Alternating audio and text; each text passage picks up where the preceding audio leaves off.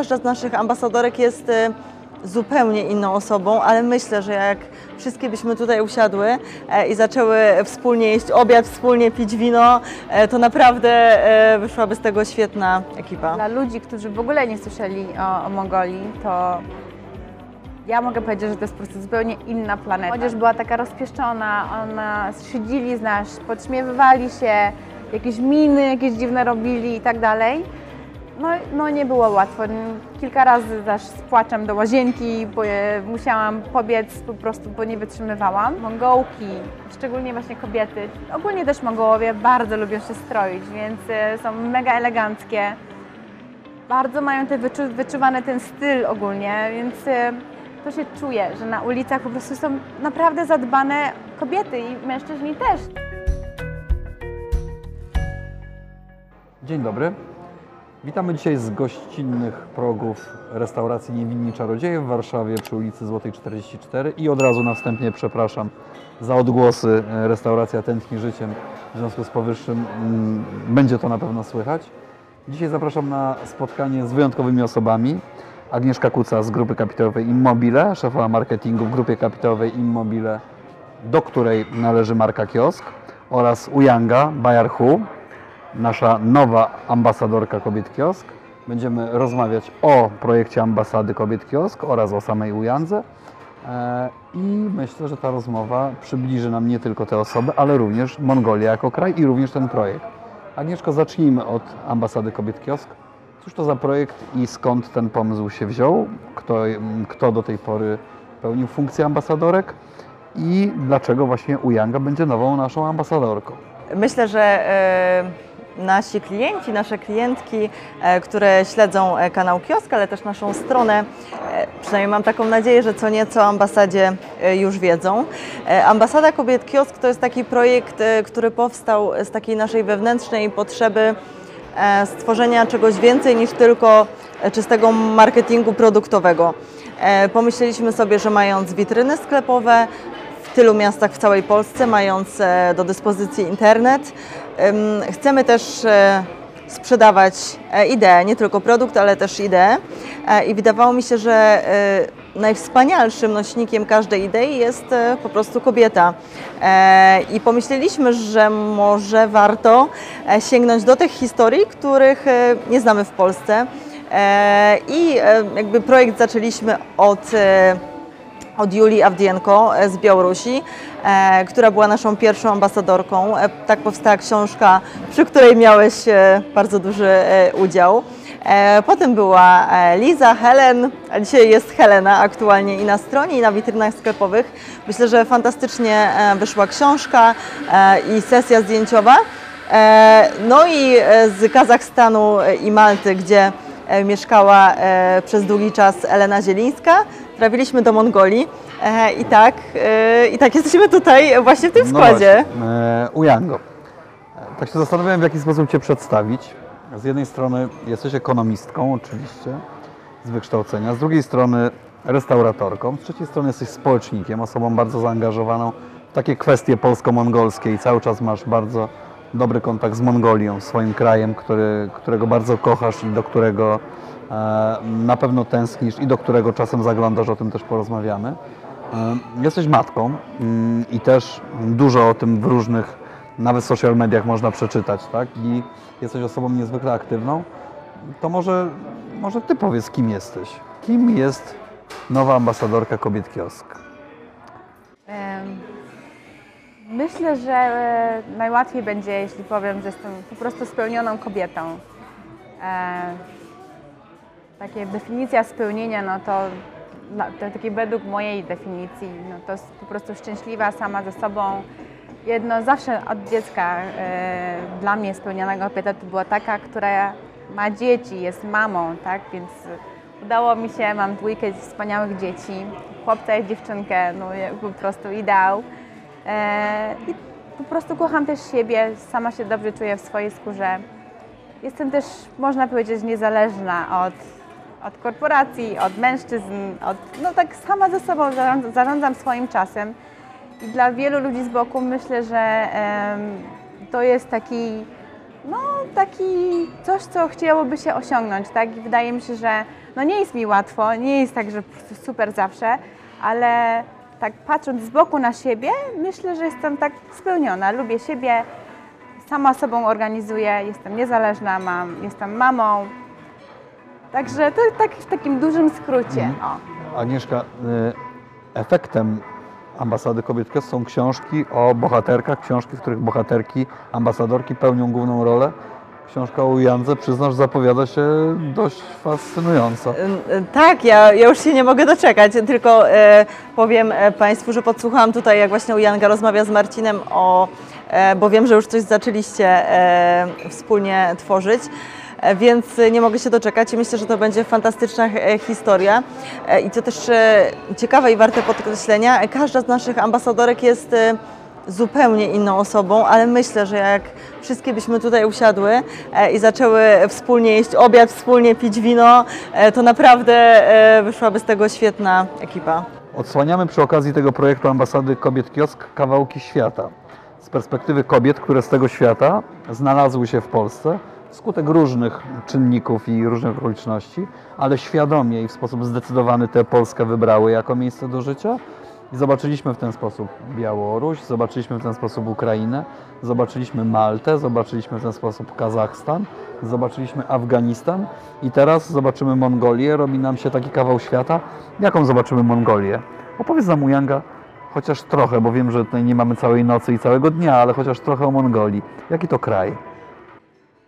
Tak, e, dla ludzi, którzy w ogóle nie słyszeli o, o Mongolii, to ja mogę powiedzieć, że to jest po prostu zupełnie inna planeta. No, po prostu inna planeta. Tam na co dzień e, no, nie, nie, nie ma tego pośpiechu, jak my jesteśmy teraz niewolnikami czasu i że w ogóle czas jest takim eksklu, ekskluzywnym, ekskluzywną wartością, to tam ludzie się dostosowują do czasu i mają tego w sumie dużo, tak? My cały czas cierpimy w tym zachodnim świecie na ten brak, a tam jest tego dużo i mongolska mentalność jest taka, że my się cały czas spóźniamy i tak po prostu, no my, Byłaś na czas dzisiaj. no dzisiaj, no, ja już jestem taka zeuropeizowana troszkę, nie?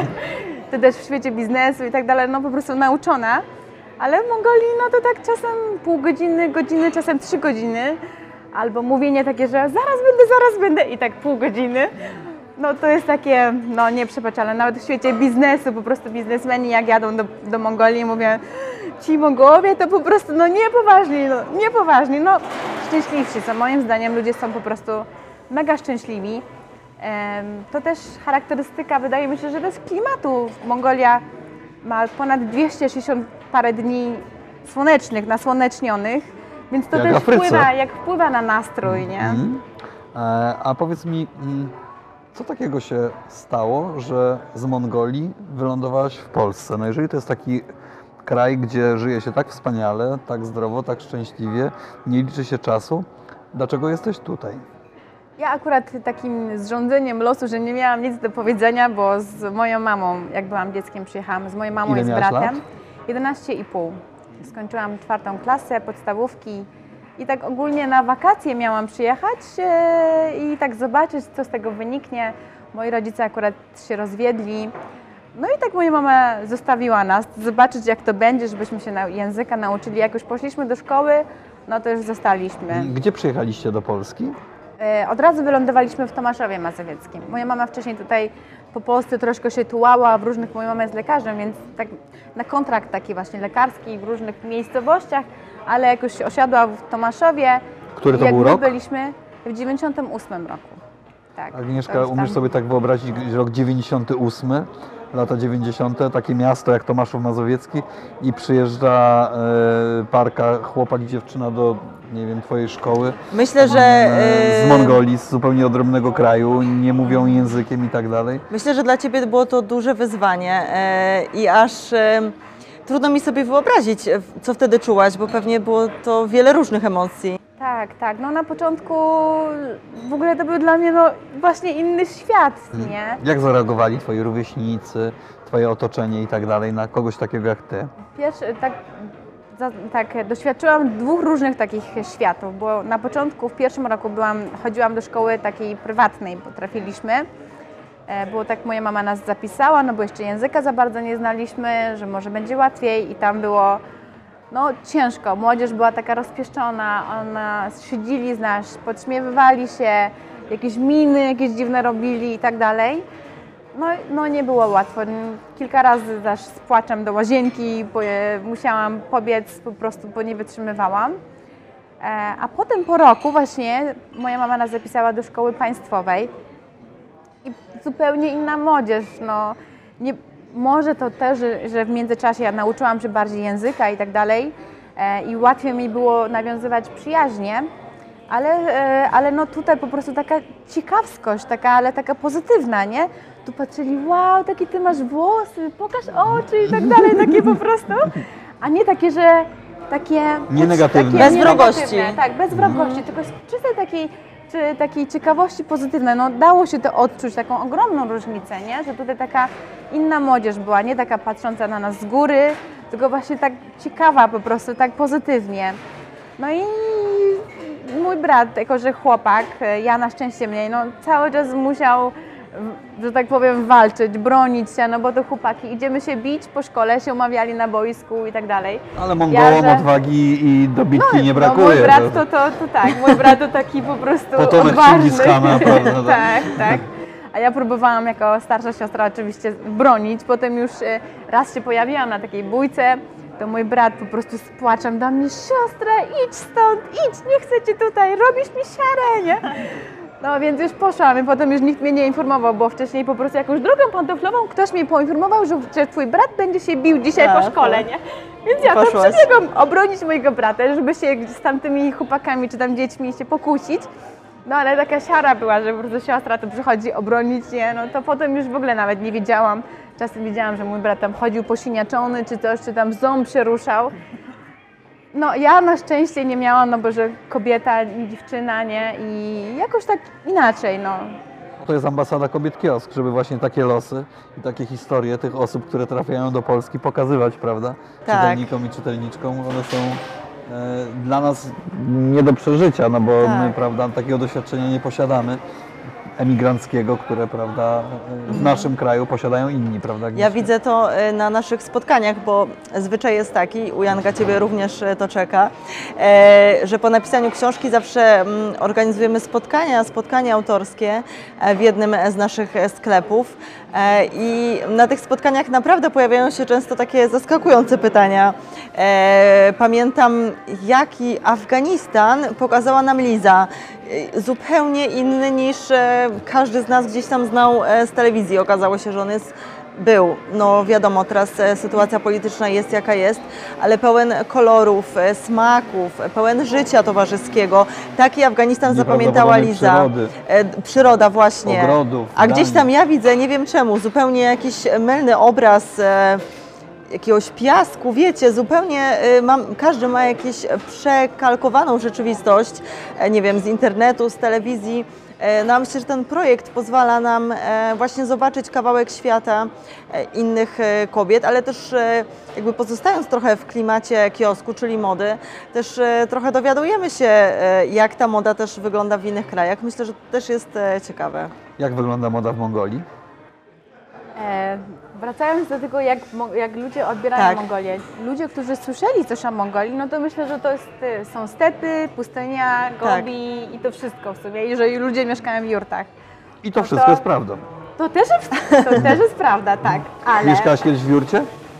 nie, Nie. ale bardzo lubię, bardzo. W ogóle teraz jakby moim kolejnym domem chcę, żeby była taka wypasiona jurta po prostu taka. No, Ale tak, twój tato mieszkał w Jurcie. Tak, mój tak? tato, jak już się z nami się roz, jakby z moją mamą się rozstał i miał już nową żonę, to mieszkali przez jakiś czas w jurcie. Jak wygląda takie życie w Jurcie? O, no to takie Z czego jest Jurta, na czym ona... Jurta, jurta jest z wojłoku, e, czyli ze skóry po prostu. E, nie wiem dokładnie z czego, jak się wojłok robi, ale to jest jakaś tam skóra w jakiś sposób e, specjalny, odrywane ze zwierząt, ale nie na pewno, że zabita, tylko po prostu w jakiś tam sposób wyczesywana. E, I to jest taki materiał całoroczny. My w takiej właśnie jurcie i latem, i zimną, zimą nie ma okien. No, wygląda jak po prostu namiot, ale określenie namiot to jest mega obraźliwe, wręcz takie e, niekorzystne, dlatego nie Mongołowie nie lubią. To jest namiot coś innego, a jurta to jest coś, co od wielu, wielu wieków po prostu ludzie tak żyją i to jest czy w minus 40 stopni zimą, Jak to jest nawet minus ogrzewane? 60 stopni. Jak jest Na ogrzewana pustyni jurta w minus 50 stopni? No to zaraz powiem, czy, up, czy latem plus 30 w upał, super wentylacja, bo, bo w środku jest taki piecyk i ten piecyk za wszystko robi, nie? I na górze jest po prostu taki komin i, i przez nią całą ogrzewa. całe, Mhm. całe to po prostu jest ogrzewane. I ten e, piecyk wnętrze. ogrzeje przy minus 50 stopni ten Bardzo. skórzany domek? Oczywiście. E, A czym tam jest palone w tym piecyku? Drewnem albo odchodami też zwierząt, nie? Coś też się zbiera się te odchody, takie zaschnięte. Mhm. I krowia Bo my kupa jesteśmy- ogrzeje? Tak, my jesteśmy krajem pasterskim e, i i koczowniczym, nie? więc po prostu na tych, na tych stepach jest tego dużo, więc też to jest kobie, zadanie kobiet, żeby chodzić i zbierać właśnie ten chrust, ale w postaci tego, tego, e, tego odchodu. Nie? I co w tym czasie robią faceci, jak kobiety zbierają te za przeproszeniem odchody? E, faceci robią no właśnie coś ze zwierzętami, e, zazwyczaj gdzieś tam kiedyś no to na wojnę albo, albo, e, albo właśnie coś załatwić gdzieś tam, tak? Ale teraz no to pomagają po prostu, zazwyczaj paszą zwierzęta. Mhm. No ale jak twój ojciec mieszkał w jurcie i pracował jako żołnierz, to co, przepraszam za określenie, do roboty jechał z jurty? Tak. Tak? Rozumiem. Bo na, na przedmieściach Ulaanbaatar e, jest bardzo dużo jurt, właśnie bardzo dużo ludzi e, przyjechało po prostu z tych stepów do Ulaanbaatar no, w poszukiwaniu gdzieś tam nowych, e, e, nowych możliwości i ak- akurat Ulaanbaatar stało się taką mega wielką metropolią. Ona jest powierzchniowa, bardzo duża. A ile liczy ludności? Ulaanbaatar troszeczkę mniej niż Warszawa. A jest- Mongolia w ogóle jest jak dużym krajem, jeśli chodzi o ludność? E, 3 miliony ponad ma mieszkańców. No to ten Ponad Ulaanbaatar, jak rozumiem, stanowi ponad połowę mieszkańców tak, ponad kraju. połowę mieszkańców jest w Ulaanbaatar. Tak, tak. Fascynujące, prawda? Tak, ale No jeszcze... właśnie wracając tak? do Twojego pytania. No właśnie. Agnieszka. Tak, bo ja Właśnie pamiętam to przez pytanie. To, że, przez to, że e, Mongolia, Ulaanbaatar jest taką metropolią, stolicą, to my nawet wcześniej niż w Polsce była, był tam salon Louis Vuitton na przykład, nie? Wcześniej niż w Polsce. I w ogóle Mongołki, szczególnie właśnie kobiety, ogólnie też Mongołowie bardzo lubią się stroić, więc e, są mega eleganckie. Bardzo mają te wyczu, ten styl ogólnie, więc e, to się czuje, że na ulicach po prostu są naprawdę zadbane kobiety i mężczyźni też, nie? Ale zazwyczaj kobiety, no po prostu e, bardzo zadbane i ten też styl też jest taki fajny. No i to też od wielu, wielu wieków, ponieważ kraj ma surowy klimat, ciężki, taki e, kontynentalny, zimno albo gorąco. E, I od wielu, wielu, wielu wieków po prostu ludzie mm, śpiew, taniec, dużo tego koloru w strojach, czy nawet w jurcie, czerwień, żół, e, żółty kolor, tak, e, pomarańcz, no wszystkie kolory tak naprawdę świata były obecne w stroju właśnie i w dekoracjach, nie? Dlatego gdzieś tam ta, mm, ta, to zamiłowanie do, do detali, do, do wizerunku zostało i do tej pory jest, jest to widoczne. Marka Kiosk czerpie całymi garściami z tych opowieści ambasadorek, prawda? I Eee, te opowieści tak. ambasadorek są później w jakiś sposób przeszczepiane i na kolekcję kiosku, i na mm, kolekcję innych brandów, które kiosk e, w tej Tak, chwili przejmuje i z którymi Myślę, kooperuje. że, że więcej już niedługo będziemy mogli o tym powiedzieć, e, szczególnie w kwestii e, biżuterii, e, gdzie właśnie staramy się inspirować po prostu opowieściami naszych ambasadorek.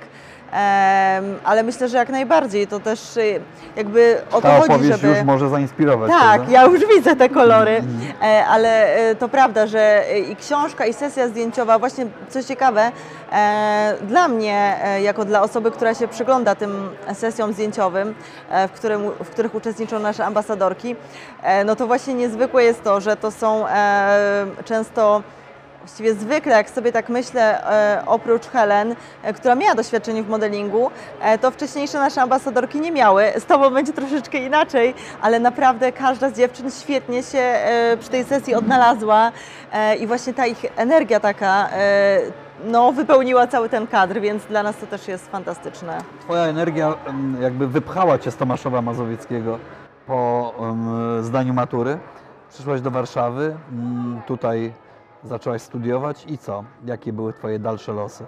Jak się odnalazłaś w stolicy kraju z Tomaszowa Mazowieckiego, z Mongolii, z Ulaanbaatar przez Tomaszów do Warszawy? Co tutaj porabiałaś? Jak wyglądało Twoje życie studencko-dorosłe?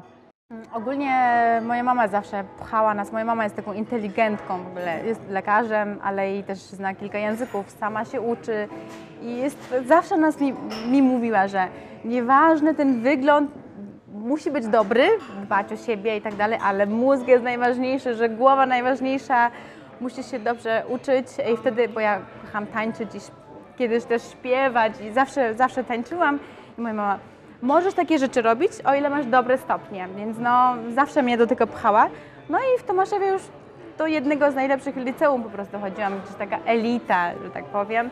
No i tam wszyscy jakieś uniwersytety, takie wyższe, takie dobre wy wybierali. No to e, ja też zawsze miałam czerwony pasek w liceum. No i tak wybrałam Uniwersytet Warszawski, e, ekonomię w tamtym czasie. To właśnie było jedynym takim wyborem albo SGH, albo, albo UW ekonomię.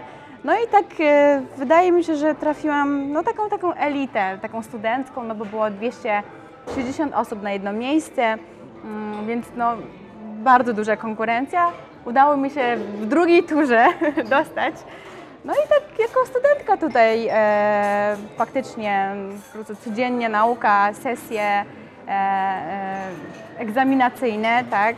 I bardzo szybko też poznałam mojego przyszłego już męża. E, najpierw mieszkałam w akademiku, potem już do niego wprowadziłam. W międzyczasie gdzieś tam właśnie e, takie wykorzystywanie swojego wizerunku, że wyglądam inaczej niż, e, niż Polacy i czasem jak były jakieś takie fajne e, właśnie sesje, czy potrzebowali kogoś Azja, Azjatkę, no to gdzieś tam sobie brałam udział i to były jakieś takie dodatkowe kieszonkowe. Oczywiście w wakacje też czasem jako kelnerka pracowałam tutaj w restauracjach e, warszawskich. No i tak tutaj już się dobrze osiadłam, tak 8 lat mieszkałam w Grodzisku.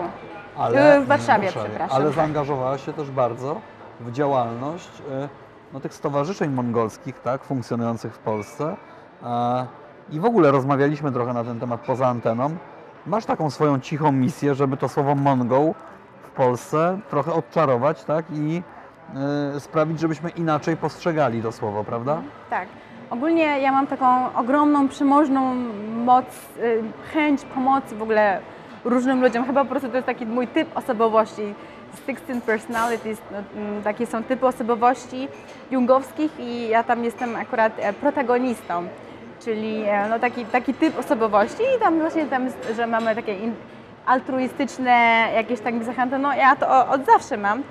E, I zawsze gdzieś się wkręcę i po prostu sprawia mi to frajdę pomaganie ludziom, gdzie mnie to zazwyczaj nic nie kosztuje. Ja zazwyczaj gdzieś tam po prostu podpowiem, powiem.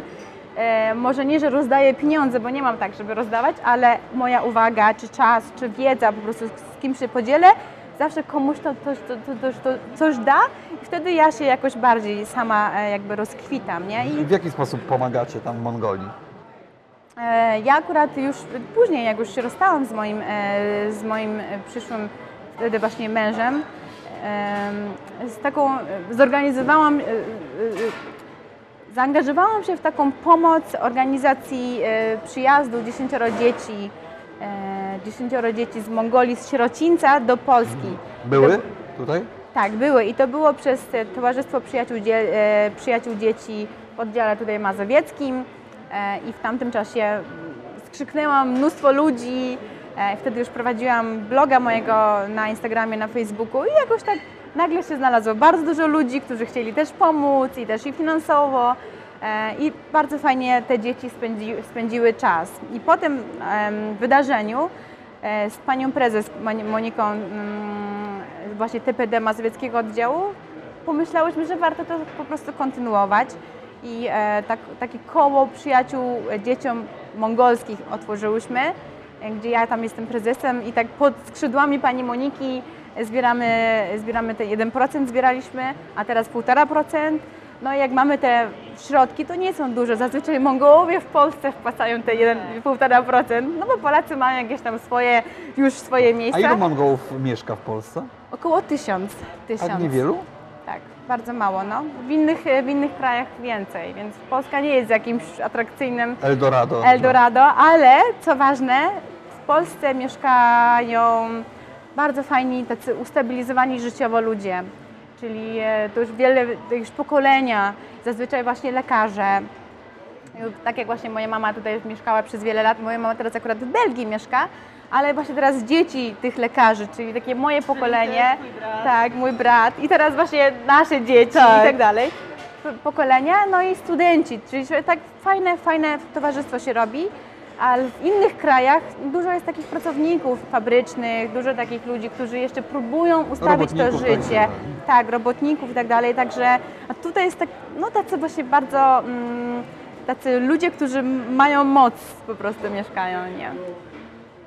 Idealna kandydatka na ambasadorkę kobiet kiosk, prawda? Idealna. Ja już się nie mogę doczekać książki i myślę, że sesji zdjęciowej, już tak e, zdradzając rąbka tajemnicy, to już nawet myśleliśmy o tym e, w swoim gronie, w jakich kolorach byłoby Ci Gdzie najfajniej. zbudować jurtę? Nie, w ten sposób nie będziemy tej sesji, e, myślę, e, przedstawiać. W sensie właśnie, mm, wbrew pozorom staramy się unikać tych dosłowności, bo, bo właśnie chcemy ten kraj, jakby, żebyś Ty też po- pokazała to, co dla Ciebie jest ważne i myślę, że to jest bardzo fajna zaleta tego projektu, e, że właściwie jesteśmy mega otwarci, bardzo otwarci. Marcin podczas e, pracy nad książką z Tobą e, Myślę, że po prostu będzie słuchał Twojej historii. Tak samo my, nie wiem, na spotkaniach jakby zapraszamy nasze klientki do tego, żeby też zadawały pytania i żebyś Ty opowiedziała o tej Mongolii, która bliska jest Twojemu sercu. Niezwykłe, że z tych puzli składa się taki świat, cały Świat, świat. Nie? tak. To jest taki kolejny puzzle, Tak. który, prawda, ta opowieść jest takim kolejnym puzzlem Tak. do tej układanki światowej, która nam się tworzy, tak i wychodzi z tego taki niezwykły, mozaikowy, kolorowy, barwny portret. Tak, I, i dla mnie, i dla osoby, która zajmuje się marketingiem wielu naszych spółek, to e, ten projekt jest e, w ogóle wyjątkowy, e, żeby nie powiedzieć, no tak jeden z najciekawszych, e, właśnie przez to, że po pierwsze mam okazję pracować z ludźmi, a to zawsze jest najfajniejsza praca, e, no i zawsze e, gdzieś tam każda historia każdej ambasadorki, to też ze mną zostaje, to jest bardzo fajne. E, Ujanga, kiedy ostatni raz byłaś w Mongolii? Teraz w styczniu 2023 A jak często wracasz do Mongolii? E, rzadko. No. Ostatnim razem jakby od tego, przed tym styczniem byłam 12 lat temu. No i co zobaczyłaś? Jaka była różnica po tych 12 latach niebycia w swoim mm, rodzonym kraju? Jak się ten kraj zmienił? Ogólnie się mega rozwinął. Bardzo dużo budynków powstało, tak po prostu jak puzzle. No, nie wiem, gdzie ja jestem, gdzie się przejść i tak poustawiane. Ulaanbaatar ogólnie jest takim e, miastem pośrodku trzech takich wielkich gór. No i ciężko mu się rozrasta, no bo już nie ma jak po prostu. Na górę musiałoby być. Więc te budynki powstają, różne knajpy. Coraz tych- gęściej. Tego, tak, tak, tej, tych miejsc do imprez i tak dalej bardzo dużo, więc no, nie- no, nie poznaje się. No i bardzo dużo, mm, coraz więcej się tego buduje, więc też te takie... Dźwigi? O, O, tak. widzisz? Dźwigi. Dźwigi. No to też jest właśnie taki Tak, krajobraz. tak, to jest oznaka Czyli tego, jak się buduje. Że się tak buduje, ale i też mentalność ludzi troszkę się bardziej zmieniła, tak, że Na bardziej lepszą? się... Myślę, że tak. Na, bardziej się otworzyli na zachód. Coraz więcej młodzieży takiej po prostu, nawet młodszej ode mnie, jest otwarta. Wszyscy po angielsku mówią, w ogóle wcykają, po prostu więcej wiedzą o tym świecie niż nawet ja, gdzie ja tutaj siedzę. Wyjeżdżają, także też i wracają do Mongolii. Na przykład ludzie, którzy się tutaj wychowali albo tutaj się tutaj studiowali, to wracają tam jako po prostu wnieść swój kapitał tej wiedzy, tego doświadczenia. Ciebie nie korci? Korciło mnie i czasem korci, ale nie na, nie na, nie na zawsze. Może tak kilka lat, żeby tak zobaczyć, tak dwa, trzy lata, ale dla mnie to jest tak daleko od tego wszystkiego innego świata, nie? I jakoś tak, no tutaj rzut beretem tutaj właśnie fajne miejscowości europejskie, rzut beretem Afryka, rzut beretem, no wszędzie jest łatwiej, nie? E, Mam ten przywilej, że znam już trochę głębiej Twoją opowieść, ponieważ redaguję książkę, którą piszesz i e, przeczytałem w Twojej książce takie zdanie, które mnie bardzo urzekło, że w Mongolii jest taka tradycja, iż e, dzieci wracają, żeby opiekować się rodzicami. że to jest jakby normalne w Mongolii i że to nie budzi y, żadnej kontrowersji, że to jest taka oczywista oczywistość. Czyli dziecko na przykład pracuje w Japonii, tam zarabia pieniądze, tak, ale myśli tak, żeby wrócić na starość i być przy rodzicu. To niezwykłe, prawda? W Polsce mm, w takiej skali nie występuje, a tam, jak rozumiem, jest to... To jest mega zakorzenione. Ogólnie tam taki szacunek, kult rodziców, szczególnie mamy, jest bardzo głęboki. No, taki kult matki, kult kobiety, kult rodziców i w ogóle szacunek do starszyzny, do przodków, e, bardzo, bardzo zakorzeniony i to się wyczuwa i czasem rzeczy po prostu oczywiste, że, że tak należy robić, a tutaj właśnie to nie jest takie oczywiste. Ale ja też pamiętam z, twojego z naszego pierwszego spotkania, e, to też jest właśnie zaskakujące, jak mówiłaś o tym, jak bardzo e, właśnie w Mongolii występuje e, opieka nad kobietą. Pamiętam, jak opowiadałaś o tym, jak wygląda połóg w Mongolii, że kobieta jest otoczona troską, niezwykłą opieką i sobie myślę, jeny, to ja tutaj jestem w tym europejskim kraju i sobie myślę, że kobieta, wiecie, jest w centrum, a nagle tam jest zupełnie inaczej, ale właśnie e, kobieta jest gdzieś tam też pełni bardzo ważną rolę i to jest super, że możemy też sobie o tym pogadać. I chciałabym, żebyś o tym też trochę w książce napisała, bo jest to mega Na interesujące. pewno napiszę, ale właśnie tutaj jest taka różnica, że tutaj w Europie coraz bardziej się zaciera ta granica pomiędzy męskością a kobiecością, Tak, nie? bardzo. Że tu kobieta coś męskiego, mężczyzna coś kobiecego, a tam jeszcze jest to tak oddzielone. Wyraźnie te dwa Tak. światy. I tam, gdzie jest mężczyzna, to tam jest kult tego, co jest mężczyzny, co, co to jest męskie, a tam, gdzie jest kobieta, to tam jest kult tej kobiety, tej kobiecości. Więc to jest, no, jest o wiele bardziej to jest tak rozgraniczone. I ka- każdy, nikt nikomu nie wchodzi w drogę, każdy siebie szanuje. Super, a właśnie, nie? bo trochę nam gdzieś tam, e, przez to, że tak bardzo chcemy być poprawni politycznie, e, to boimy się, wiecie, boimy się mówić o kulcie kobiecości, boimy się mówić o kulcie męskości, e, bo generalnie... My faceci nie boimy się mówić o kulcie Może nie, ale wiesz, jaki jest dyskurs e, społeczny, że gdzieś tam jest dużo tego uniseksu właśnie, nawet w ubraniach, e, a przecież e, właśnie tak jak mówisz, to jest wręcz wyrażenie szacunku do tej e, drugiej osoby i to jest bardzo fajne. Nie ma ryzyka, że z tym postępem w Mongolii, z tymi zmianami, to o czym mówisz, co Mongolię odróżnia dzisiaj od reszty świata, a przede wszystkim od Europy, czy od amerykanizacji, tak, e, gdzieś zaniknie. Myślę, że nawet jeśli to będzie to taka długa, długa droga. Myślę, że to będzie długa droga, bo nawet jak teraz ja byłam w Mongolii, ten, ta duchowość jest tak mocno zakorzeniona, ta wiara w reinkarnację na przykład jest normalną rzeczą, że przecież wiadomo, że, ten, że ta osoba się drugi raz narodzi, nie? Wierzysz To jest w reinkarnację? normalne. Ja wierzę, ale nie wiedziałam, że tak cała Mongolia po prostu tym żyje, nie? I właśnie ta duchowość, A jaka tam jest religijność? Jest buddyzm. Buddyzm. No to myślisz, że w kolejnym wcieleniu kim będziesz? Nie wiem, nie wiem. Chciałabym oczywiście w jakimś tam lepszym bycie. W ogóle najlepszą opcją jest nie wcielanie się, czyli już stan e, e, tej, e, no stan takiego już oświecenia, nie? Czyli ogólnie takie narodzenie się to jest taka męka po prostu od, od urodzin do śmierci, no trzeba się namęczyć w tym życiu. Żeby żyć, A tak. żeby dojść tak, żeby żyć, nie? A i tak narodzenie się to jest takie powtarzanie tego wszystkiego. Oczywiście jak dobrze robisz, dobrze, dobre uczynki robisz, y, dobrze pracujesz na tą swoją energię, to kolejne losy masz lepsze. A jak źle robisz, to masz kolejne swoje byty w życiu, masz gorsze. A najlepiej jest osiągnąć ten stan oświecenia e, nirwany, nie? gdzie już nie, nie musisz się naradzać. Jesteś w tym błogim raju, gdzie masz po prostu super. No, Kiedy osiągniemy stan oświecenia i nirwany, przebije się przez blender kucharza w naszej wspaniałej restauracji Niewinni Czarodzieje, w której dzisiaj możemy gościć.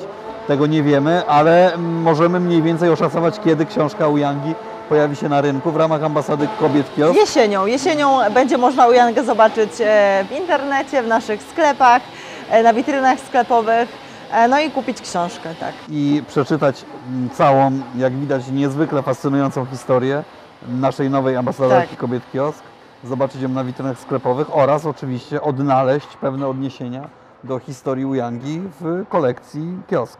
Myślę, że wszystko przed nami. Bardzo, bardzo uprzejmie dziękuję. Uyanga, Było nam bardzo miło, już nie możemy się doczekać jesieni. Agnieszko. Dziękuję, bardzo było miło. Dziękujemy naszym dzisiejszym gospodarzom, czyli restauracji Niewinni Czarodzieje 44. 44, Złota 44, Tak. Warszawa. I do zobaczenia i w Niewinnych Czarodziejach, i na kanale Grupy Kapitałowej Immobile, i na kanale Kiosk. Dziękujemy bardzo.